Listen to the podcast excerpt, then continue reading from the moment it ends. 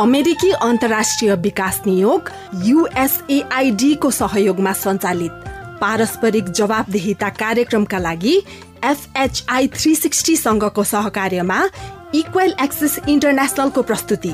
साझा बोली रेडियो बहस।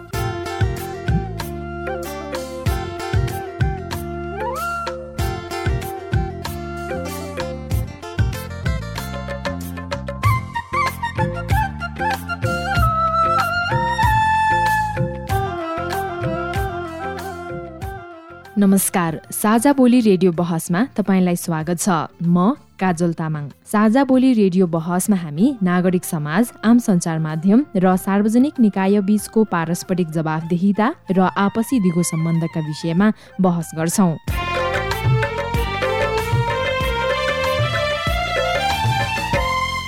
पारस्परिक जवाफदेहिताका क्षेत्रीय सवाल र परिवेश समेटेर तयार पारिएको साझा बोली रेडियो बहसको यो स्थानीय संस्करण हो। आजको साझा बोली रेडियो बहस रेडियो नमो बुद्ध एफएम एक सय छ थोप्लो सात मेगाहर्जले उत्पादन गरेको हो। यो कार्यक्रम रसुवा जिल्लाको रेडियो लाङटाङ नब्बे थोप्लो तीन मेगाहर्जबाट पनि सुन्न सकिन्छ।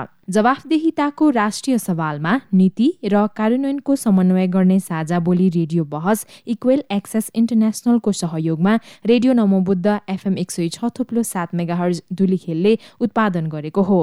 साझा बोली रेडियो बहसको यस सत्रको यो स्थानीय संस्करणको आज बत्तीसौँ भाग हो। झण्डै चार वर्ष अघिदेखि प्रसारण भइरहेको साझा बोली यस वर्षदेखि रेडियो बहसका रूपमा प्रसारण हुँदै आइरहेको छ। साझा बोली रेडियो बहसको आजको भागमा निर्वाचित जनप्रतिनिधिको पाँच वर्षीय योजना के छ? हामीले बोलेका कुराहरू हामीले गरेका प्रतिबद्धताहरू हामी पुरा गर्छौँ। मेरो कार्यकालमा बनेपा नगरपालिकाका जनताले न्याय मरो भन्न दिने छैन। यसबारे छलफल गर्दैछौँ। साझा बोली रेडियो बहस। अमेरिकी अन्तर्राष्ट्रिय विकास नियोग युएसएआइडी मार्फत अमेरिकी जनताहरूको सहयोगका कारण सम्भव भएको हो। यस कार्यक्रमभित्रका विषयवस्तु र सामग्री पारस्परिक जवाबदेहिता कार्यक्रमका एकल जिम्मेवारी हुन्। र यहाँ प्रस्तुत भनाइले युएसएआइडी वा अमेरिकी सरकारको विचार प्रतिबिम्बित गर्छन् भन्ने जरुरी छैन। स्थानीय तहमा नवनिर्वाचित जनप्रतिनिधिको नयाँ कार्यकाल सुरु भइसकेको छ। नेपालको संविधान दुई हजार बहत्तर अनुरूप स्थानीय तह सरकारको यो दोस्रो कार्यकाल हो। यससँगै जनताको घर दैलोमा पुगेको सिंहदरबारको सेवा पनि दोस्रो पटक सुचारू भइसकेको छ। दोस्रो कार्यकालका लागि चुनिएका जनप्रतिनिधिहरूले कार्यभार सम्हालेसँगै विभिन्न निर्णयहरू पनि गरेको पाइन्छ। निर्वाचित जनप्रतिनिधिको पाँच वर्षे कार्यकालभर कस्ता योजना बनाइँदैछ त? आज हामी यही विषयमा छलफल गर्दैछौ। छलफलका लागि यतिखेर हाम्रो स्टुडियोमा काभ्रेको रुसी गाउँपालिकाका अध्यक्ष दिनेश लामा र बनेपा नगरपालिकाका उपप्रमुख विमला सापकोटा हुनुहुन्छ। यहाँहरू दुवैजनालाई कार्यक्रममा स्वागत गर्दै निर्वाचित हुनुभएकोमा धेरै धेरै बधाई पनि दिन चाहन्छौ। धन्यवाद काजलजी। धन्यवाद काजलजी। आजको छलफल सुरु गरौँ दिनेशजीबाटै। दिनेशजी निर्वाचित भएर यहाँ आइसक्नु भएको छ। आज भोलि चाहिँ यहाँ के गर्दै हुनुहुन्छ? हामी तत्काल निर्वाचित भएर आएको करिब करिब दुई साताको समय भइसकेको छ। हामी यो सुरुवाती अवस्थामा पाँच वर्षको जुन अघिल्लो कार्यकाल थियो त्यो कार्यकालमा निर्माण भएको नीति निर्देशिकाहरू त्यसको कार्यविधिहरू अनि स्थानीय सरकार सञ्चालन ऐनहरू सबै हामीले अध्ययन गरेर अहिले हामी आगामी वर्षको लागि हामी नीति तथा कार्यक्रमहरू कसरी तर्जुमा गर्ने भन्ने हामी चरणमा अहिले हामी छलफलकै चरणमा छौँ। तपाईँको चाहिँ कस्तो छ? मेरो पनि त्यस्तै त्यस्तै हो। अब हामी निर्वाचित भएर आएको दुई हप्ता भयो अनि हामी चाहिँ सब पहिलो चरणमा चाहिँ हाम्रो कार्यपालिकालाई पुरा गर्नको लागि कार्यपालिकाको निर्वाचनमा पनि व्यस्त थियौँ। कार्यपालिका अब पुरा भइसकेको छ। हामीले एकपल्ट एउटा बोर्ड बैठक बसी पनि सक्यौँ र हामीले चाहिँ त्यही हो। अगाडि कसरी चलिरहेको छ के भइरहेछ नीति तथा निर्देशिकाहरू कस्तो बनेको छ अब कसरी योजना योजना बनाउने त्यो अध्ययनमा छन् एउटा। अनि बनेपा नगरपालिकामा चाहिँ असाध्यै धेरै जल्दो बल्दो समस्या बनेपा डुबानको छ। त्यही भएर त्यो डुबानलाई कसरी समाधान गर्न सकिन्छ भन्ने चाहिँ हामी एकदम यो करिडोर बनाउनको लागि मुआब्जा नभइकन हाम्रो जग्गाहरू दिँदैनौँ भनेर जसरी मुद्दा हाल्नु भएको छ त्यो उहाँहरूसँग बसेर छलफलमा छ एउटा। अनि अहिले तत्कालै डुबान कसरी रोक्ने भनेर त्यो फिल्डमा गएर अस्थायी समाधान के हुनसक्छ? स्थायी समाधान त करिडोर नै हो होइन? अस्थायी समाधान के हुनसक्छ? त्यहाँको माटोहरू झिक्ने हो कि के हो भनेर हामी चाहिँ दिनकै फिल्डमा गएर त्यहाँ विज्ञहरूसँग त्यसमा चाहिँ अलिक बढी लागेका छौँ र अर्को अर्को जल्दो बल्दो समस्या भने खानेपानीको छ। हामी खानेपानीसँग सम्बन्धित निकायहरूसँग बसेर छलफलहरू गर्ने यसको समाधान कसरी हुनसक्छ जनतालाई सर्वसुलभ रूपमा पुर्याउन सकिन्छ भन्ने छलफलमा छु मैले यहाँहरूलाई नागरिकहरूले विश्वास गरेर मत दिएर निर्वाचित गराउनु भएको छ। दिनेशजी अब यहाँहरूको पाँच वर्ष कार्यकाल छ। त्यो अवधिमा यहाँहरूले जसरी घोषणा पत्र सार्वजनिक गर्नुभयो निर्वाचन अगाडि। अब निर्वाचन पश्चात यहाँहरू निर्वाचित भएर आइसके पछाडि तपाईँको योजना अनुसार कसरी अगाडि बढ्छ? निर्वाचित भएर जुन खालको रोसी गाउँपालिकाभित्रको आम जनसमुदायहरू आमा बुवा दाजुभाइ दिदीबहिनीहरूले जुन हामीमाथि विश्वास गरेर हामीलाई त्यहाँको स्थानीय सरकार सञ्चालन गर्ने जिम्मेवारी उहाँले प्रदान गर्नुभयो। र हामी त्यो जिम्मेवारीलाई एकदमै हामीले गहनपूर्वक हामीले गम्भीरतापूर्वक लिएर हामी अगाडि बढ्छौँ। र बढ्दै गर्दाखेरि हाम्रो पहिलो प्राथमिकता के हो भन्दाखेरि त्यो गाउँपालिकाभित्रको आम जनसमुदायले स्थानीय सरकारबाट पाउनुपर्ने सेवा सुविधा के के छन् र त्यो सेवा सुविधामा काहीँ पनि बाधा अडचन नआइकन एकदम सर्वसुलभ ढङ्गबाट हामीले उहाँहरूलाई सेवा प्रदान गर्ने हाम्रो पहिलो दायित्व हुन्छ। जनताको दैनिकीसँग जोडिरहने स्वास्थ्य सेवाको कुराहरू हुनसक्छ। यो स्वास्थ्य सेवाको सन्दर्भमा कुरा गर्दै गर्दा हाम्रो यो गाउँ हाम्रो यो निर्वाचन पछाडि हामीले जुन पदभार जुन बेला ग्रहण गऱ्यौँ त्यो बेला हामीले एउटा निर्णय पनि गरेका छौँ कि रोसी गाउँपालिकाभित्रको साठी वर्ष माथिका हाम्रो ज्येष्ठ नागरिकहरू यो समाजको जो अगुवा अभिभावकहरू हुनुहुन्छ उहाँहरूले हामीले नि शुल्क स्वास्थ्य बिमा उपचार गर्ने हामीले निर्णय गरिसकेका छौँ। त्यस्तै गरेर यो गाउँपालिकाभित्रको अपाङ्गता भएका व्यक्तिहरू त्यस्तै गरेर एकल महिलाहरू अनि त्यस्तै गरेर एकदमै विपन्न परिवारहरूको पनि स्वास्थ्य सुविधालाई कसरी हामीले एकदमै सरल र सर्वसुलभ ढङ्गबाट उहाँलाई प्रदान गर्न सकिन्छ त्यसको बारेमा हामीले छलफलहरू योजनाहरू बनाइरहेका छौँ। र अर्को कुरा शिक्षा एकदमै महत्त्वपूर्ण कुरा हो। यो शिक्षा बिना समाजको परिवर्तन हामी जो भन्छौँ विकास भन्छौँ समृद्धि भन्छौँ त्यो शिक्षा बिना त्यो सम्भव छैन। त्यसैले हामीले शिक्षालाई अलिकति गुणस्तरीय बनाउनेतिर र प्राविधिक शिक्षातर्फ अलिकति जोड दिनेतर्फ हामी लागिरहेका छौँ। कृषिको लागि पनि अब त्यतिकै हामीले आधुनिकीकरण गर्छौँ परिवर्तन गर्छौँ भनेर मात्रै हुँदैन। त्यसको लागि पनि केही नयाँ ज्ञान सिपहरूको आवश्यकता पर्दछ। त्यसैले अहिले यो वडा नम्बर दुईमा स्थित यो लक्ष्मीनारायण माविमा हामीले यो कृषि प्राविधिक शिक्षा हामीले प्रदान गर्दै आएका छौँ। त्यहाँबाट जुन जनशक्तिहरू उत्पादन हुन्छ त्यो जनशक्तिको सदुपयोग गरेर हामीले यो गाउँपालिकाभित्रको जुन खालको कृषि प्रणाली छ त्यसलाई अलिकति आधुनिकीकरण गर्न सक्छौँ कि भन्ने हामीले अपेक्षा लिएका छौँ र विश्वास लिएका छौँ। गाउँपालिका पालिकाको पहिलो आम्दानीको स्रोत भनेको कृषि हुनसक्छ यो जनताको जनजीविकाको सवालमा। त्यसैले हामीले कृषिलाई अलिकति नयाँ ढङ्गबाट लान सकिन्छ कि भन्ने हाम्रो सोच छ। र त्यो सँगसँगै हाम्रो स्वास्थ्य शिक्षा अनि त्यस्तै गरी कृषि भयो पर्यटनको पनि त्यत्तिकै पर्याप्त छ। अब रोसी गाउँपालिकाको भूगोल अलिकति विशिष्ट खालको छ। पर्यटकीय क्षेत्रको रूपमा विकास गर्न हामीले एउटा योजनाहरू गुरु योजनाहरू बनाउने क्रममा हामी छौँ। अनि बिमलाजी तपाईँले अघि सुरुमा पनि बनेपाको जल्दो बल्दो समस्याहरू समाधान गर्ने पहलमा छौँ भनेर केही समस्याहरू पनि भन्नुभयो। तत्कालीन रूपमा चाहिँ बनेपाका नागरिकले जनप्रतिनिधि समक्ष गरेका अपेक्षा अथवा यहाँहरूले तत्काल गर्नुपर्ने अरू कामहरू चाहिँ हाल के छन् त? बनेपा नगरपालिका दुई पाटोमा चाहिँ एउटा बनेपा नगरपालिका पुरानो बनेपा नगरपालिका र अलिक पछि जोडिएका चारवटा पाँचवटा गाविस ग्राम भेगहरू जोडिएर बनेपा नगरपालिका बनेको छ र त्यहाँ त्यहाँको समस्या एउटा बजारको समस्या एउटा छ र गाउँको समस्या अर्को समस्याहरू छ। हामीले दुईवटा पाटोमा हेर्नुपर्छ जहिले पनि हेर्दा। जल्दो बल्दो समस्या डुबानको समस्या छ अर्को खानेपानीको समस्या छ अर्को फोहोर मैला व्यवस्थापनको समस्या छ। अरू कुराहरू त्यहाँको जीवनस्तर उठाउने कुराहरू अरू कुराहरू त छँदैछन्। त्यो कुरामा हामीले मैले अघि नै भने डुबानको कुराहरू कसरी समाधान गर्न सकिन्छ खानेपानीको समस्यालाई कसरी धेरै कुराहरू भइसकेका छ अघिल्लो सरकारले नै खानेपानीका धेरै जस्ता कामहरू पुरा गरिसकेको अवस्था छ। अब केही प्राविधिक कुराहरू मिलाउन बाँकी छ त्यहाँ त्यसपछि खानेपानीको कुराहरू अगाडि बढ्दै जान्छ। अनि अर्को फोहोर मैला व्यवस्थापनको कुरा छ मुख्य। बनेपा बजारबाट उत्पादन हुने जति फोहोरहरू छन् तिनलाई चाहिँ तिनवटा क्याटागोरीमा छुट्याउने। एउटा चाहिँ कुहिने फोहोर अर्को चाहिँ रिसाइकल गर्नुपर्ने र अर्को नष्ट गर्नुपर्ने। अर्को ग्रामीण क्षेत्रमा कृषिको कुराहरू मेन। बनेपा नगरपालिकाको ग्रामीण क्षेत्रमा अहिले भएको कृषि व्यवसाय चाहिँ एउटा निर्वाहमुखी कृषि र पशुपालनमा निर्भर छ र त्यो चाहिँ निर्वाहमुखी छ। त्यसलाई हामी कसरी व्यवसायमुखी बनाउन सक्छौँ? विशेष गरी युवाहरूको नि त्यो कृषि व्यवसायमा चाहिँ उनीहरूको आकर्षण पनि बढोस् भनेर हामीले त्यसरी योजनाहरू बनाउन सोचिराखेका छौँ। अनि अर्को चाहिँ पशुपालनको पशुपालनमा एउटा दुइटा दुई चार लिटर दुध बेचेर जीवन निर्वाह गर्ने भन्दा अलि व्यावसायिक रूपमा गरेर त्यसैबाट आफ्नो व्यवसाय अगाडि बढाउने हिसाबले कसरी जान सक्छन् किसानहरू? र अर्को चाहिँ हामीले हिजो गरेको प्रतिबद्धता चाहिँ सानसाना उद्योगहरू सञ्चालन गर्दा पनि घरेलु उद्योगहरू जस्तो नालालाई हेर्ने हो भने आलु उत्पादन हुन्छ त्यहाँ धेरै। आलुका विभिन्न परिकारहरू बन्छ त्यो चाहिँ सानसानो महिलाहरूलाई महिलाहरूलाई अथवा साना उद्यमीहरूलाई अलिअलि हामीले सहयोग गऱ्यो भने आलुको आलु चिप्सहरू बनाउने विभिन्न खालका परिकारहरू बनाउने सानसाना उद्योगहरू सञ्चालन गऱ्यो भने त्यही उत्पादन भएको आलुबाट त्यही बजार व्यवस्थापन हुनसक्छ। त्यो पनि सोचिरहेका छौँ र हामीले हामी योजनाकै चरणमा छौँ। हामीले असार दस गतेसम्म हाम्रो नगरसभा सकेर योजनाहरू अगाडि सार्नुपर्ने नीति तथा कार्यक्रम पनि र बजेट पनि अगाडि सार्नुपर्ने अवस्था छ र हामी त्यही छलफलमा छौँ। अर्को स्वास्थ्य शिक्षाको कुराहरू। यहाँ भएका सामु शिक्षामा सामुदायिक विद्यालयहरूलाई कसरी स्तरोन्नति गर्न सकिन्छ? अभिभावकको आकर्षण के? अभिभावकको आकर्षण अहिले कस्तो भने निजी विद्यालयमा मात्रै आकर्षण बढेको छ। कसरी त्यहाँभित्रको गुणस्तरलाई बालबालिका को शिक्षण सिकाइको अवस्थालाई कसरी सुधार गर्ने भन्ने कुरामा हामी शिक्षकहरूसँग एक चरण बसी पनि सकेका छौँ। अब सामुदायिक विद्यालयलाई कसरी लाने त भनेर हामी विज्ञहरूसँग बस्छौँ।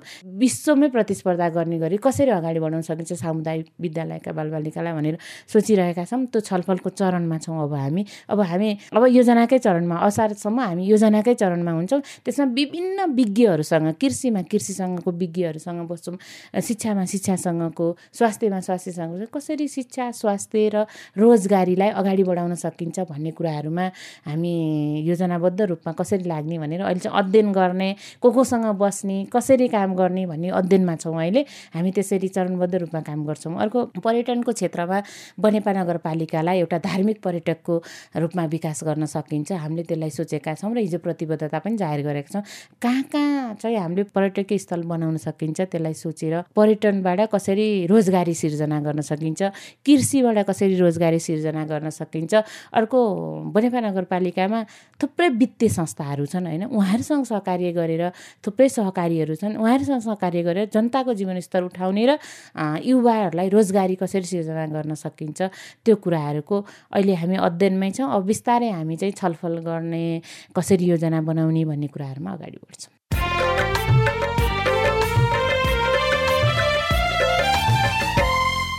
तपाईँ अहिले साझा बोली रेडियो बहस सुन्दै हुनुहुन्छ। आज हामी निर्वाचित नयाँ जनप्रतिनिधिको पाँच वर्षीय योजना के के छन् यसबारे छलफल गरिरहेका छौँ र छलफलमा हामीसँग हुनुहुन्छ काभ्रेको रोसी गाउँपालिकाका अध्यक्ष दिनेश लामा त्यसै गरी बनेपा नगरपालिकाका उपप्रमुख विमला सापकोटा। दिनेशजी अघि तपाईँले रोसी गाउँपालिकाका विभिन्न सम्भावनाका कुराहरू गर्नुभयो।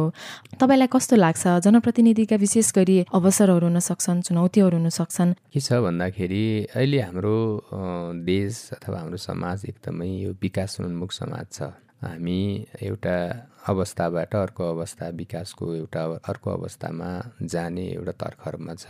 त्यसले गर्दाखेरि हामीसँग स्रोत साधनहरू सीमित छन्।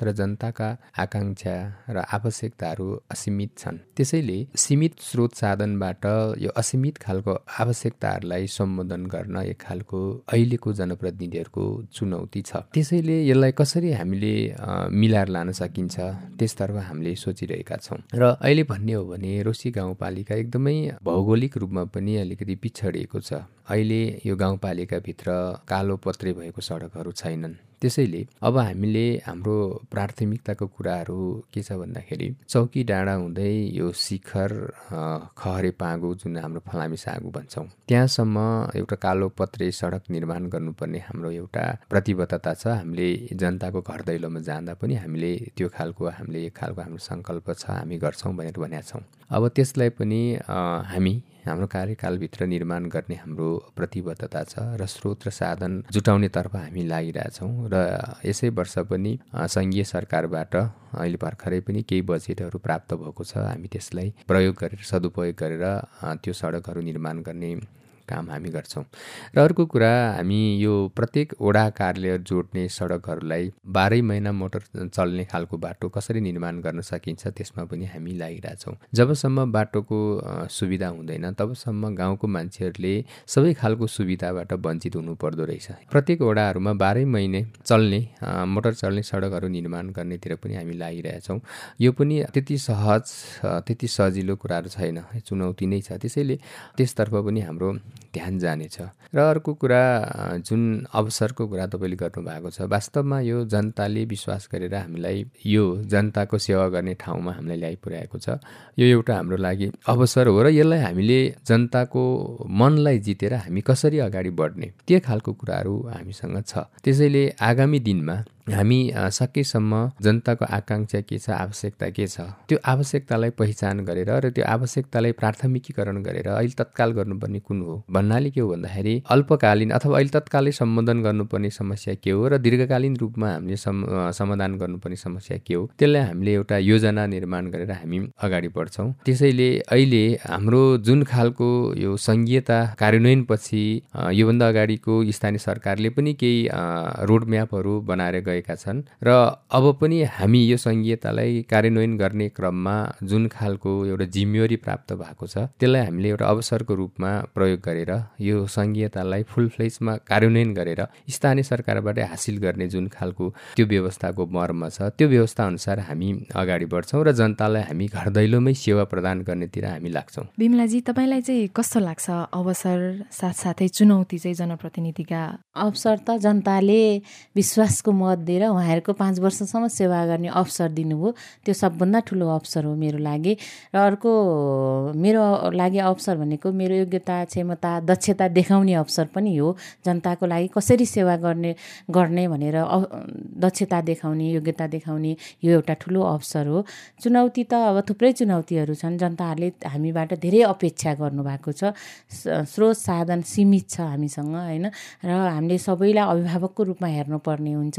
र सबै वडाका जनताहरूको सबै क्षेत्रमा फेरि एउटा मात्रै क्षेत्रमा होइन शिक्षा स्वास्थ्य रोजगारी विकास निर्माणका पूर्वाधारका कुराहरू सबै कुराहरू हेर्न पर्ने हुन्छ। जनताको अपेक्षा के हुन्छ भने मेरोमा मैले भनेको कुरा सबभन्दा अगाडि गरिदियोस् भन्ने खालको अपेक्षा हुन्छ। तर हामीले सबै कुराहरू मिलाउँदाखेरि कहिलेकाहीँ उहाँहरूले भनेको कुराहरू छिटै नहुन पनि सक्छ र उहाँहरूले कहिलेकाहीँ यसरी प्रतिबद्धता जाहेर गरेको थियो भएन भन्ने खालको कुराहरू पनि हुन्छ। तर हामीले त्यो चुनौतीलाई पनि बिस्तारै कसरी समाधान गर्न सकिन्छ। कसरी उनीहरूलाई अनुभूति हुने गरे कि उहाँहरूले नै उहाँहरूलाई नि कन्भिन्स हुने गरे कि स्रोत साधन सीमित छ मेरोभन्दा अर्काको प्राथमिकता अथवा मेरो ओडाको भन्दा अर्को ओडाको प्राथमिकतामा चाहिँ पहिलो गर्नुपर्छ भनेर उहाँहरूलाई नै अनुभूति हुने गरे उहाँहरूलाई नै पारदर्शी र जवाफदेही हिसाबले के जवाफदेही हामीले काम गर्दा पनि कहिले जहिले पनि जवाफदेही र पारदर्शी हिसाबमा यस्तो यस्तो हो यो कारणले यहाँ यो योजनाहरू हामी गरिरहेछौँ पहिलो चरणमा यो गरिरहेछौँ दोस्रो चरणमा यो गर्छौँ पहिलो प्राथमिकता यो पहिलो समस्या यहाँ यो छ। हामीले यो चाहिँ तत्कालै गर्नुपर्छ। अलिक दीर्घकालीन रूपमा गऱ्यो भने योजनाहरूलाई हामी यसरी गर्छौँ भनेर जनतालाई पनि सँगसँगै लग्यो। सहभागितामूलक नै बनाएर लग्यो भने चाहिँ त्यो चुनौतीहरूलाई चाहिँ अलिक समाधान गर्नलाई सजिलो हुन्छ। चुनौती त थुप्रै चुनौतीहरू छन्। हामीलाई स्रोत व्यवस्थापनकै चुनौती छ। स्रोत जति आइरहेको छ नेपाल नगरपालिकामा सङ्घ र प्रदेशबाट आएका स्रोतहरूले मात्रै यहाँका विकास निर्माण जुन हामीले प्रतिबद्धताहरू जाहेर गरेका छौँ त्यो स्रोतले मात्रै हामीलाई सीमित हुँदैन। हामीले आन्तरिक स्रोतहरू कसरी बढाउँदै जाने होइन? कसरी त्यो आन्तरिक स्रोतलाई चाहिँ आफूमा निर्भर हुने के? आफ्नै आन्तरिक स्रोतबाट विकास निर्माणका कुराहरू शिक्षा स्वास्थ्यका कुराहरू कसरी गर्ने एउटा आन्तरिक स्रोत बढाउने र बाह्य स्रोतहरू कहाँ कहाँ को कोसँग सम्बन्धी गरेर कसरी ल्याउन सकिन्छ र बढीभन्दा बढी स्रोतको व्यवस्थापन गरेर जनताले सँग हामीले हिजो गरेका प्रतिबद्धताहरू पुरा गर्ने र जनताको आवश्यकताहरू जुन छ नि त्यो आवश्यकता फुलफिल गर्नको लागि चाहिँ हामीलाई स्रोत व्यवस्थापनको एकदमै धेरै चुनौती छ। हामी त्यसमा लाग्छौँ कहाँबाट कसरी एउटा इन्टरनल स्रोत व्यवस्थापनको कुरो हो आफ्नै नगरभित्र पनि के के कुराहरूलाई व्यवस्थापन गर्दा हामीले स्रोतका कुराहरू जुटाउन सक्छौँ। अर्को बाह्य स्रोतहरू कहाँ कहाँबाट कोसँग समन्वय गर्दाखेरि चाहिँ बाह्य स्रोतहरू ल्याउन सकिन्छ भन्ने कुराहरूमा लाग्नुपर्ने छ त्यो चुनौती छ। त्यो चुनौती समाधान गर्ने आँट र क्षमता पनि छ। नागरिकको हामीले कुरा सुन्दाखेरि पनि निर्वाचनभन्दा अगाडि जसरी घोषणा पत्रहरू जारी गरिए घोषणा पत्रमा चाहिँ लेखिएका कुराहरू निर्वाचन पश्चात पुरा नभएको नगरेको भन्ने कुराहरू पनि जनताहरूको नागरिकको गुनासो आउँछ। ती घोषणा पत्रमा जारी गरिएका कुराहरू पुरा होलान् अथवा जनताले चाहिँ गुनासो गर्नु पर्ला या नपर्ला के छ दिनेशजी तपाईँको कार्यकालमा? हिजो घोषणा पत्रहरू निर्माण गर्दै गर्दाखेरि हामी समग्र दाममा हामीले घोषणा पत्रहरू निर्माण गऱ्यौँ। र हामी यो घोषणा पत्रमा जुन भएकै कुराहरूलाई आधार मानेर त्यसलाई नै एउटा यो योजना निर्माणको आधार मानेर हामी अगाडि बढ्ने हो। हाम्रो जति पनि हामीले नीति र कार्यक्रमहरू हामी बनाउँछौँ त्यसको आधार भनेको हाम्रो घोषणापत्र नै हो। हिजो हामीले जनताको घर दैलोमा जाँदै गर्दाखेरि के के कुराहरू प्रतिबद्धता हामीले गरेका थियौँ त्यो प्रतिबद्धताको बिन्दुहरू बुदाहरू त्यो बिन्दुबाट हामी सुरु गर्छौँ। र मलाई लाग्छ जति पनि अहिले सरकारहरू यो छयालिस साल पछाडिका सरकारहरू आए र त्यो सरकारहरू निर्माण अघि जुन निर्वाचनमा जाँदा जुन घोषणा पत्रहरू लिएर गए जुन प्रतिबद्धताहरू लिएर गए पछि सरकारमा पुगेपछि ती घोषणा पत्रमा भएका कुराहरू प्रतिबद्धताहरू पुरा नभएको भन्ने जनताको गुनासो छ वास्तवमा यो यथार्थ हो। किनभने हामीले यो तिस वर्षको यो जुन खालको दौरानमा यो अवधिमा हामीले जति पनि यो सरकारहरू आए केन्द्रीय सरकारहरू आए ती केन्द्रीय सरकारहरूले पूर्णकाल कोही कुनै पनि सरकारले काम गरेको हामीले पाएनौँ।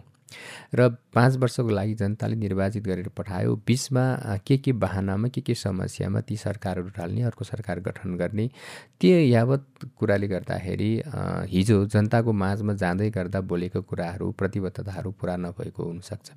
र स्थानीय सरकार जब हामीले यो बैसठी त्रिसठीको जनआन्दोलनपछि प्राप्त यो सङ्घीय व्यवस्था छ त्यसपछि हामीले दुई हजार बहत्तरमा त्यो खालको संविधान पायौँ र त्यो संविधानले सुनिश्चित गरेको जुन खालको नेपालको सङ्घीयता तिन तहको सङ्घीयता छ। यो तिन तहको सङ्घीयता मध्ये एकदमै जनतासँग नजिक जोडिने स्थानीय सरकार हो। त्यो स्थानीय सरकारमा पनि हामीले पाँच वर्षको अभ्यास हामीले हेरिसक्यौँ।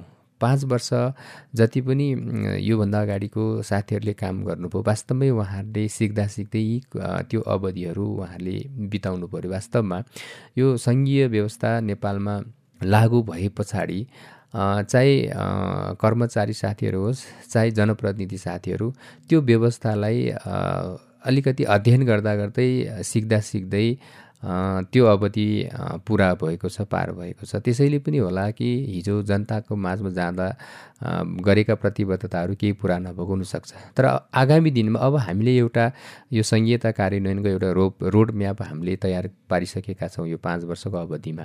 अब हामी यो यो रोड म्याप अनुसार अगाडि बढ्दै गर्दा अब धेरै कुराहरू जो हामीले जनताको माझमा व्यक्त गरेका छौँ प्रतिबद्धता गरेका छौँ ती धेरै कुराहरू चाहिँ हामी सम्बोधन गर्ने हामीसँग एक खालको मलाई लाग्छ स्रोत साधनले भ्याएसम्म हामी त्यो गर्छौँ र हामीसँग जुन खालको इच्छा शक्ति छ र जनताको सेवा गर्ने हाम्रो इच्छा शक्ति छ त्यो अनुसार हामी अगाडि बढ्छौँ र सकेसम्मको अधिकतम हामी हामीले बोलेका कुराहरू हामीले गरेका प्रतिबद्धताहरू हामी पुरा गर्छौँ। पहिलो जनप्रतिनिधिका अनुभवहरू सुन्दाखेरि अब यहाँ निर्वाचित भइसके पछाडि के के गर्नु पर्ला जस्तो चाहिँ लाग्छ बिमलाजी तपाईँलाई? पहिलो कार्यकालमा संहिता अलमलमा थियो। प्रदेश सरकारको के अधिकार के हुने स्थानीय सरकारको अधिकार के हुने र केन्द्रीय सरकारको अधिकार के हुन्थ्यो एकदम अलमलमा थियो र कति नीति नियमहरू चाहिँ स्थानीय सरकारलाई बनाउने नीति नियमहरू ऐन कानुनहरू बनाउने अधिकार थियो र कति अहिले अब बनिसकेको अवस्था छ र एक खालको उहाँहरूले बाटो देखाइदिइसक्नु भएको छ हामी दोस्रो कार्यकालमा आएका छौँ।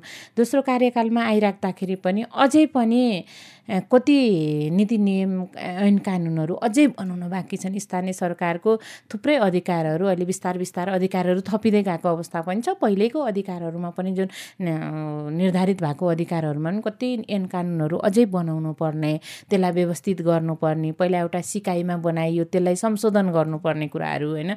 कति कुराहरू यसरी हुन्छ कि भनेर बनाएका ऐन कानुनहरू पनि कहिलेकाहीँ त्यहाँ व्यवहारमा लागु पाँच वर्ष गरेर हेरियो नि त। गरेर हेर्दाखेरि कति कानुनहरू चाहिँ संशोधन गर्नुपर्ने छलफल गर्नुपर्ने त्यो कुराहरू छन् पनि छन्। अर्को कुरो सुशासनको कुराहरू अझै सुशासन कसरी वडा तहदेखि नगरपालिका स्तरसम्म सुशासन कसरी सञ्चालन गर्ने? अर्को कुरा विभिन्न ऐन कानुनहरू बनाउनु भएको छ। थुप्रै अझै बनाउनु बाँकी छन्। बाँकी ऐन कानुनहरू स्थानीय तहलाई जुन अधिकारहरू छ ऐन कानुनहरू बनाएर अगाडि बढ्ने। त्यो बाँकी ऐन कानुनहरू बनाउने र भएका ऐन कानुनहरूमा नि जस्तो व्यवहारिक रूपमा ती कस्ता खालका भए पाँच वर्ष हामीले व्यवहारमा उतारेर हेऱ्यौँ नि त्यति बनेका ऐन कानुनहरूलाई तिनमा के के संशोधन गर्नुपर्ने छ? अझ व्यवहार व्यवहारिक कसरी बनाउन सकिन्छ ती कानुन जनताको कहिलेकाहीँ के हुन्छ हाम्रो हामीले बनाएका कानुनहरू एकतिर जनताको मनोभावना अर्कोतिर।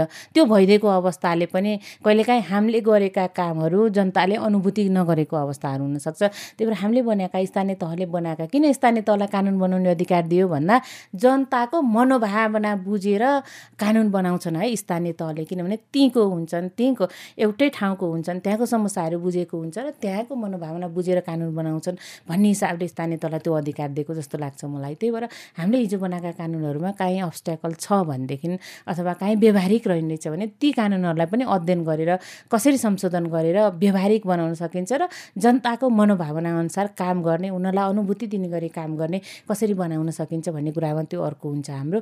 अर्को अब के गर्नुपर्छ कि हामीले प्राथमिकताको आधारमा एकै वर्ष मैले अघि नै पनि कुरा गरेँ तपाईँलाई स्रोत र साधनले जनताको इच्छा र आकाङ्क्षा जनताले जुन अपेक्षा गरेका छन् हामीबाट एकै वर्ष पुरा हुँदैन त्यो। हामीले पहिलो चरणमा जल्दो बल्दो समेत समस्या बनेपा नगरपालिकाको के हो पहिलो चरणमा हामीसँग स्रोत र साधन कति छ हामी कतिसम्मका योजनाहरू गर्न सक्छौँ त्यो पहिलो चरणमा। दोस्रो च दोस्रो तेस्रो चौथो र दीर्घकालीन रूपमा कुन योजनाहरू अहिले सुरु गरेर त्यो हामीले घोषणापत्रमा हामीले प्रतिबद्धता पत्रमा लेखेका योजनाहरू पनि कसरी छन् भने कोही तत्कालै गर्नुपर्ने तत्कालै समाधान गर्नुपर्ने यो वर्ष गर्नुपर्ने छन्। कोही सुरु गरेर लामो समयसम्म त्यसलाई क्रमागत रूपमा गर्दै जाने र सम्पन्न गर्ने खालका योजनाहरू पनि छन्। हामीले पछिसम्म कसरी गर्दै जाने भनेर त्यसलाई हेरेर पनि प्रतिबद्धता घोषणापत्रहरू बनाएका छौँ। त्यही भएर हामीले योजना बनाउँदा पक्कै घोषणापत्रलाई हेरेर त्यो घोषणापत्र अनुसारको योजना बनाउँछौँ। त्यो यो वर्ष के गर्ने अर्को वर्ष के गर्ने त्यो चाहिँ हामीले सहभागितामूलक रूपमा जनतालाई अनुभूति गरे हुने गरी बनाउँछौँ कि योजनाहरू पनि। साँच्चै मैले पठाएको योजनाहरू मैले गरेको मैले अपेक्षा गरेको कुराहरू यो स्थानीय सरकारले पुरा गर्दै गरेको छ र गर्दैछ सबै कुराहरू एकैचोटि हुँदैन गर्दैछ है क्रमागत रूपमा गर्दैछ भन्ने कुराहरू अनुभूति हुने गरी योजनाहरू बनाउनुपर्छ। अब हामीले पाँच वर्षसम्म यो वर्ष के गर्ने अर्को वर्ष के गर्ने अर्को वर्ष के गर्ने भनेर त्यसरी हामी त्यो क्रममै छौँ त्यसरी नै बनाउँछौँ योजना। योजनाहरू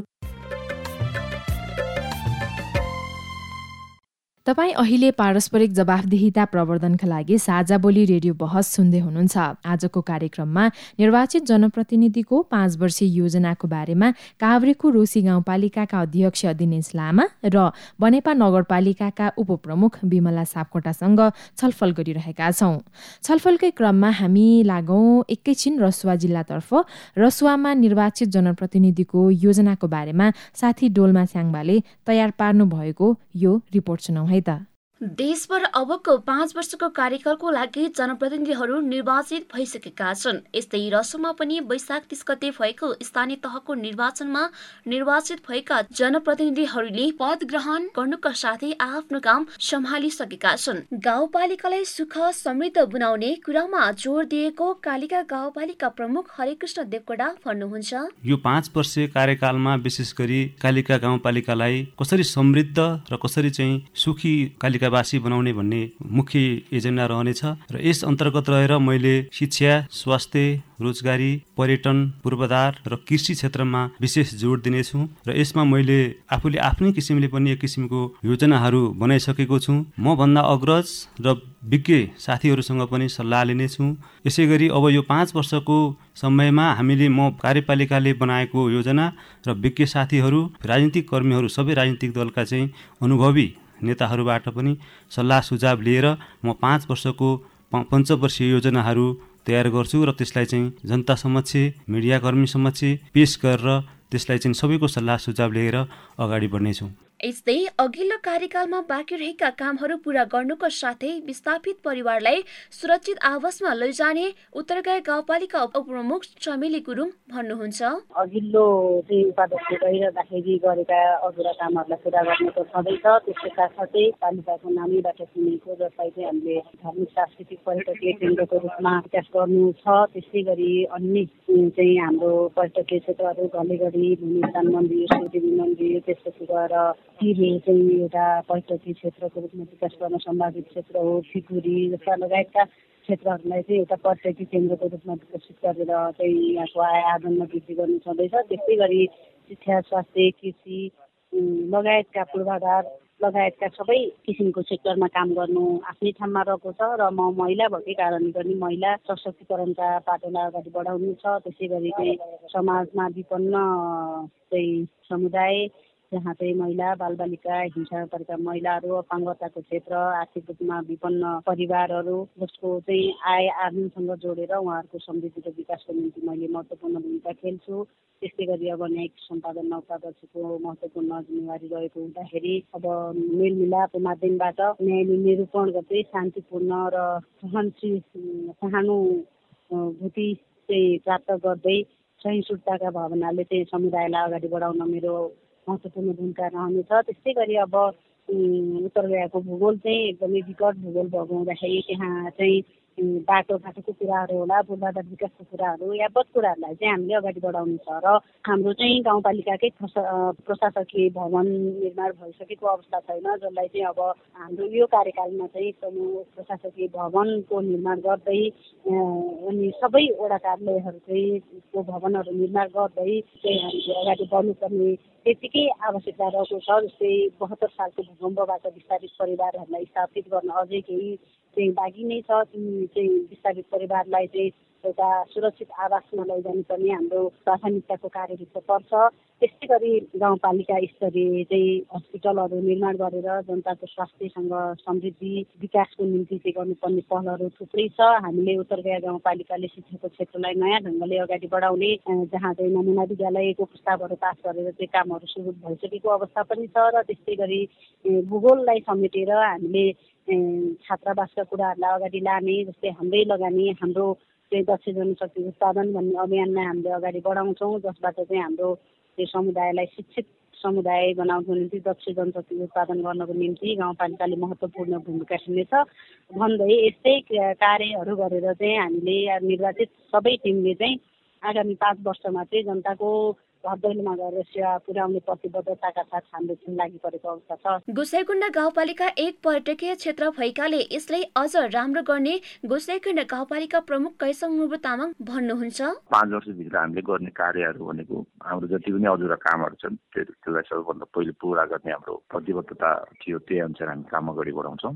र गाउँपालिकावासीले हाम्रो चुनावी एजेन्डामै एक हरेक रोजगार निशुल्क शिक्षा र स्वास्थ्यमा हाम्रो उम्मेद्वार भन्ने नाराका साथ हामी प्रतिबद्धता गर्दै हामीले घर दैलो लगायतका मतदाताहरूको घरहरूमा पुगेको थियौँ। त्यही अनुसारको कार्यहरू गर्नको लागि यो पहिलो हाम्रो गाउँसभा यो दसौँ एघारौँ गाउँसभाबाटै हामीले त्यसलाई सुरुवातमा हामी लाग्नेछौँ। त्यो सर्वप्रथम हामी त्यसको डाटाहरू लिने त्यस पछाडि कार्यक्रम र योजनाहरू बनाउने त्यही अनुसारको कार्यान्वयन गर्ने गरी हामीले हाम्रो त्यो मूल नारालाई मिट गर्ने हिसाबको कार्यक्रमहरू सञ्चालन गरिनेछौँ। अर्को एउटा हाम्रो पर्यटन क्षेत्र भएको कारणले पर्यटनका सम्भावनाहरूलाई जति पनि सम्भावना छ त्यसलाई चाहिँ विकास गराउने प्रबन्धन गराउने र त्यहाँबाट पर्यटक पर्यटन क्षेत्र र व्यवसायबाट हाम्रो गाउँपालिकावासीहरूलाई अझै रोजगार लगायत अन्य क्षेत्रमा चाहिँ जोडाउने खालका कार्यक्रमहरू सञ्चालन गर्नेछौँ। र विशेष गरी हाम्रो क्षेत्रमा जति पनि तपाईँको सम्भावना भएका क्षेत्रहरू छन् त्यो क्षेत्रहरूको पहिचान सहित त्यसलाई प्रवर्धन र विकास गराउने उद्देश्यले हाम्रो चाहिँ यो पाँच वर्ष कार्यकाल हामी त्यसरी सञ्चालन र समाप्तन र हाम्रो जनमुखी योजना चाहिँ तयार पारेर जनताहरूलाई अनि गाउँपालिकावासीलाई चाहिँ हामीले यसरी सम्बोधन गर्ने हाम्रो योजना रहेको जनताको विचार मागलाई सम्बोधन गर्दै हरेक क्षेत्रलाई अघि बढाउने कुरामा जोड दिएको आमा सोदिङ गाउँपालिका उपप्रमुख चन्दिका तामाङ भन्नुहुन्छ। अहिले पाँच वर्षमा चाहिँ जनताले जे के गर्न खोजिरहेछ त्यसको सही सदुपयोग गर्ने लक्ष्यका साथ म उभिएको छु। जनताले चाहे अनुसार जनताले खोजे अनुसार जनताको मर्मित बुझेर चाहिँ म काम गर्छु। जनताको मतलाई कदर गर्दै पाँच वर्षमा चाहिँ जनताले सोधे अनुसार गर्छु भन्ने लक्ष्य लिएको छ। सोच्थे अनि यातायात बाटो घाटोमा सुधार गर्ने लक्ष्य लिएको छु मैले चाहिँ। शिक्षा स्वास्थ्य खानेपानीमा विशेष जोड दिइने नकुण्डा गाउँपालिकाका प्रमुख नुर्बु साङमुखले भन्नुहुन्छ। अब चाहिँ नकुण्डवासीले शिक्षा स्वास्थ्य बाटोघाटो बनिसकेको छ। त्यसलाई चाहिँ अलि राम्रोसँग बनाउने जे देख्न पाउँछ नकुण्डले बाटोमा पिच बाटोको अपेक्षा राखेको छ नकुण्डले मोटरेबल बाटोको पुलको अपेक्षा राखेको छ त्यो देख्न पाउँछ। शिक्षामा अलिकति भवन मात्रै भयो भने चाहिँ अब शिक्षामा पनि गुणस्तर देख्न पाउँछ। नकुण्डको जनताको हितको लागि चुनावी मुद्दाहरू पनि दियो होइन? जो नकुण्डले राम्रो राम्रो कुराहरू देख्न पाउँछ विकासको कुराहरू नयाँ विकासको कुराहरू नयाँ परिवर्तनको कुराहरू देख्न पाउँछ। अब बाँकी काम चाहिँ के छ भने यहाँ चाहिँ विशेष चाहिँ अब सबभन्दा महत्त्वपूर्ण चाहिँ यहाँ शिक्षा नै हो होइन। त्यसपछि स्वास्थ्य त्यसपछि बाटोघाटो पुल होइन। बत्ती खानेपानी चाहिँ अलि पुगिसकेको छ भनौँ खाना त खाइरहेको छ। सबभन्दा चाहिँ शिक्षा स्वास्थ्य र पिच बाटो मोनोलेबल र यो नकुण्डलाई जीविकोपार्जन गर्ने माध्यमहरू के के हो त्यो देख्न पाउँछ नकुण्डले नकुण्ड पाँचवटा गाउँपालिका मध्ये राम्रो नकुण्ड बन्छ नमुना नकुण्ड बन्छ यसमा एकदम बिना शर्त जनताको लागि काम गर्छ नकुण्डले आशा छ उहाँहरूले राख्नुभएको प्रतिबद्धता पाँच वर्षको कार्यकालमा सफल हुनेछ र गाउँपालिका बासिन्दाहरूले समृद्ध गाउँपालिका पाउनेछन्।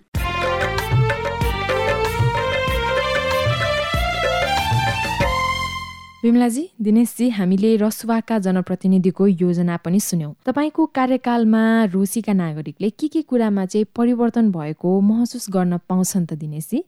यो परिवर्तन भन्ने कुराहरू दुई खालका हुन्छन्। एउटा हामीले शिक्षा र स्वास्थ्यमा जति पनि हामीले गर्छौँ त्यसमा हामीले परिवर्तन ल्याउनु खोज्छौँ त्यो चाहिँ एक खालको ठ्याक्कै हेर्दा झट्ट हेर्दा तत्कालै नदेखिने खालको तर त्यसले दीर्घकालीन रूपमा प्रभाव राख्ने खालको हुन्छन्। हामीले जब भौतिक पूर्वाधारमा परिवर्तन गर्छौँ त्यो चाहिँ ठ्याक्क देखिने हेर्दा देखिने छाम्दा भेटिने भन्छौँ नि। त्यो खालका हुन्छन्। त्यसैले हामीले दुइटै खालको परिवर्तन हामीले यो रोसी गाउँपालिकामा चाहेका हौँ र हामी यो निर्वाचित भएर आइसकेपछि हामीले सोचेको कुरा हामीले योजना बनाउने कुरा भनेको दुइटै खालको विकास हाम्रो यहाँ हुनुपर्छ। एउटा हामीले त्यसलाई के भन्छौँ भने मानवीय स्रोत साधनमा हामीले विकास गरेको भन्ने हुन्छौँ भने अर्को हामीले भौतिक पूर्वाधारको विकास हो। त्यसैले हामीले दुइटै विकासलाई हामीले सँगसँगै अगाडि बढाएर लानुपर्छ। अहिले हामीले गाउँपालिकाभित्र रोजगारीको सिर्जना कसरी गर्न सक्छौँ भन्नेतर्फ हामी अगाडि बढेका छौँ। त्यसले गर्दाखेरि अब हामीले हाम्रो कार्यकालभित्र देखिने खालको कामहरू अथवा यो यो परिवर्तन भयो भन्ने खालको कामहरू गर्नको लागि हामीसँग ठोस योजना पहिला चाहिन्छ। र त्यही अनुसारले हामीले ठोस योजना बनाएर हामी अगाडि बढेका छौँ। त्यसको योजना भनेको हाम्रो के भन्दा पूर्वाधार विकास पर्यटनको विकास रोजगारीको सिर्जना अनि गुणस्तरीय शिक्षा स्वास्थ्य सेवा सर्वसुलभ यिनै कुराहरूबाट हामी अगाडि बढ्छौँ। दिनेशजीले भन्नुभएको जस्तै छ कि तपाईँको चाहिँ अलिक केही फरक छ बिमलाजी योजना? मेरो कार्यकालमा विशेष गरी उपप्रमुख एउटा न्यायिक समितिको संयोजक पनि हुनुभएकोले मेरो कार्यकालमा बनेपा नगरपालिकाका जनताले न्याय मरो भन्न दिने छैन। मैले मुख्य चाहिँ मेरो प्रतिबद्धता मैले पहिला निर्वाचन अगाडि नै गरेको छु। अहिले पनि म त्यही उसमा छु। न्याय खोज्नको लागि झन्झटिलो प्रक्रियामा जान नदिने अदालतसम्म हामीहरूले के सोचिराखेका छौँ भने ओडामै न्यायिक समिति समिति मार्फत मेलमिलाप केन्द्रहरू ओडामै सञ्चालन गर्ने। अर्को कुरा मैले हिजो पनि उठाएको इस्यु के भने महिलाको नेतृत्व गर्नलाई मेरो उम्मेदवारी हो भनेर भनेको छु हिजो पनि मैले। त्यही भएर विशेष गरी अझ मेरो कार्यकालमा महिलालाई कसरी आर्थिक रूपमा सबल बनाउन सकिन्छ महिलाहरूको विषयमा त्यो हुन्छ। अर्को हामीले ज्येष्ठ नागरिक मञ्चहरू बनाउने प्रत्येक ओडामा ज्येष्ठ नागरिक हामी सुरु पनि गरिसकेका छौँ महिला विकास शाखाबाट ज्येष्ठ नागरिक मञ्चहरू बनाइसकेका छौँ। अब ज्येष्ठ नागरिक केन्द्र बनाउने के? अब ज्येष्ठ नागरिक केन्द्रहरू उहाँहरू उहाँहरू बसेर आफ्नो कुराहरू गर्ने भजनहरू गाउने अथवा उहाँलाई के इच्छा लाग्छ कि? अर्को बालबालिकाको क्षेत्रमा। त्यो बालबालिकाको क्षेत्रमा एउटा नगरलाई बालमैत्री बनाउने कुराहरूमा होइन? नगरका बालबालिकाहरूलाई प्रतिस्पर्धी कसरी बनाउन सकिन्छ? हरेक क्षेत्रमा के? हरेक क्षेत्रमा उनीहरूलाई सहभागितामूलक योजना तर्जुमा पनि उनीहरूलाई सहभागी गराउँदै गएर उनीहरूको चौतर्फी विकास कसरी गर्न सकिन्छ?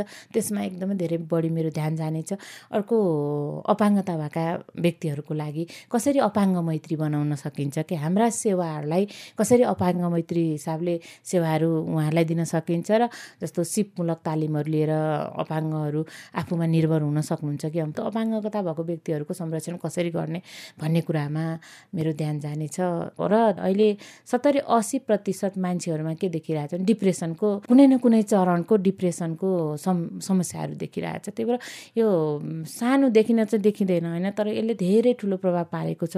त्यही भएर यो काउन्सिलिङको कुराहरू होइन उनीहरूलाई महिना एक महिना दुई महिनामा एउटा काउन्सिलरहरूले काउन्सिलिङ गर्ने उनको मनका कुराहरू सुनिदिने उनीहरूको कुराहरू सुन्ने उनीहरूलाई त्यो डिप्रेसनबाट गएर उनीहरूलाई कसरी रोजगारीमा हुन्छ कि कहाँ इन्गेज गराइराख्ने त्यो कुराहरूमा कसरी योजनाहरू बनाउन सकिन्छ भन्ने कुराहरूमा ध्यान दिइरहेछौँ हामी। अर्को स्वास्थ्य बिमाको कुराहरूलाई स्वास्थ्य बिमा र पशु बिमालाई चाहिँ एउटा घर घर पुर्याउनुपर्छ जस्तो हाम्रो योजनाहरू छ। हामी टिममा छलफल गरिरहेका छौँ त्यो पनि हामी गर्छौँ। मेरो कार्यकालमा जनताहरूले त्यो अनुभूति गर्न पाउनुहुन्छ जस्तो मलाई लागिरहेछ। समग्र रूपमा हामीले यहाँहरूको योजना अवसर चुनौती र केही प्रतिबद्धताका कुराहरू पनि गऱ्यौँ। कस्तो गरिदिँदाखेरि यहाँहरूको यो पाँच वर्ष कार्यकाल चाहिँ सफल रूपमा चाहिँ सम्पन्न हुन्छ योजना अनुसार चाहिँ अगाडि बढ्छ जस्तो यहाँलाई लाग्छ दिनेशजी हामीले कुनै पनि कार्य गर्दै गर्दा काम गर्दै गर्दा हामीले सबै सरकारवालाहरूसँग हामीले समन्वय गरेर हामी अगाडि बढ्दा धेरै राम्रो हुन्छ। र हाम्रो अपेक्षा के हो भन्दाखेरि हामीले अहिले यो स्थानीय सरकार सञ्चालनको लागि यहाँहरूले निर्वाचित गरेर पठाउनु भएको छ। र हामी यहाँ हुँदै गर्दाखेरि हाम्रो अपेक्षा के हो भन्दाखेरि सबै क्षेत्रबाट रचनात्मक हामीलाई सल्लाह सुझावको आवश्यक छ। र अर्को कुरा चाहिँ के हो भन्दाखेरि हामीले अहिले यो जुन खालको बहुदलीय व्यवस्थाको स्थापना पछाडि जनताहरूलाई हामीले अधिकारको बारेमा धेरै सचेत गरायौँ। हामीले अधिकारको बारेमा सचेत गराउँदै गर्दाखेरि हामीले छुटेको बाटो के हो भन्दाखेरि ती नागरिकहरूको अधिकार सँगसँगै एउटा सामाजिक दायित्व हुन्छ कर्तव्य हुन्छ। त्यो कर्तव्य के हो भन्नेतिर अलिकति हामीले कम चासो दियौँ कि जस्तो लाग्छ। त्यसैले सबै नागरिकहरू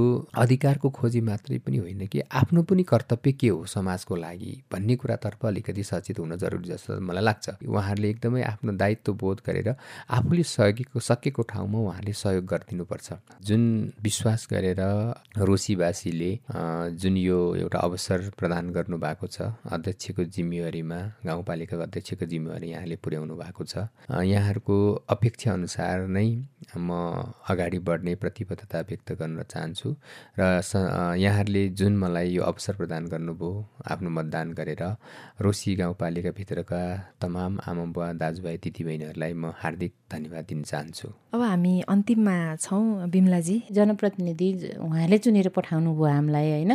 हामी सर्वविज्ञ होइन म त्यही कुराहरू गर्छु। थुप्रै विज्ञता हासिल गरेको बौद्धिक वर्गहरू बनेपा नगरपालिकामा हुनुहुन्छ। हामीलाई सफल बनाउनको लागि अहिले जसलाई चुनेर पठाउनु भयो सबै जनप्रतिनिधिलाई सफल बनाउनको लागि उहाँहरूको महत्त्वपूर्ण भूमिका हुन्छ। उहाँहरूले हामीलाई सहयोग सल्लाह सुझाव यसरी जाँदा चाहिँ राम्रो हुन्छ भने हामी सबभन्दा पहिला त म त्यसको अपेक्षा गर्छु। अर्को कुरो जनताहरूले जुन अपेक्षाहरू राख्नु भएको छ उहाँहरूले आफ्नो कर्तव्य के हो? मैले पनि के सहयोग गर्नुपर्छ कि स्थानीय सरकारमा? नागरिक समाज बौद्धिक वर्ग सबैलाई म के भन्न चाहन्छु भने एउटा रचनात्मक सल्लाह सुझाव र अब योजनाहरू यसरी गर्दा हुन्छ है भन्ने खालका सुझावहरू दिनु पऱ्यो एउटा। अर्को कुरो चाहिँ केही गुनासो छ अब कहिलेकाहीँ हामी गर्दै जाँदा हामीले चाहिँ राम्रै गरिरहेछौँ भन्ने हामीलाई लागिरहेको हुन्छ तर बाहिर उहाँहरूले अब्जर्भ गर्दाखेरि चाहिँ ए यसलाई यसरी चाहिँ गरिदिएको भए हुन्थ्यो यो चाहिँ अलिक भएन भनेर उहाँलाई लागिरहेको हुन्छ। त्यो कुरो चाहिँ प्रत्यक्ष आएर हामीलाई भनेर यसरी जाँदा चाहिँ राम्रो हुन्छ भनेर त्यसरी हामीसँगै आएर भन्यो भने फेरि सुध्रिने मौका पाइन्छ होइन? हामी त्यहाँ नेतृत्व गर्छौँ नीति जनताकै हो होइन? तपाईँहरूकै हो। त्यही भएर तपाईँले सुझाव सल्लाह दिने कुरामा चाहिँ मैले धेरै ठुलो अपेक्षा गरेको छु। नै कुराकानीसँगै हामी साझा बोली रेडियो बहसको अन्त्यमा आइपुगेका छौँ। आजको कार्यक्रमका अतिथि काभ्रेको रोसी गाउँपालिकाका अध्यक्ष दिनेश लामा र बनेपा नगरपालिकाका उपप्रमुख विमला सापकोटा साथै रसुवाका साथी डोल्मा स्याङ्बालाई धन्यवाद। पारस्परिक जवाफदेहिता बारे आफूले देखे सुने या भोगेका कुनै कुरा लेख मार्फत व्यक्त गर्न चाहनुहुन्छ वा अरूका लेखहरू पढ्न चाहनुहुन्छ भने W W W dot M E R O R E P O R T dot नेटमा पनि लगइन गर्न सक्नुहुन्छ।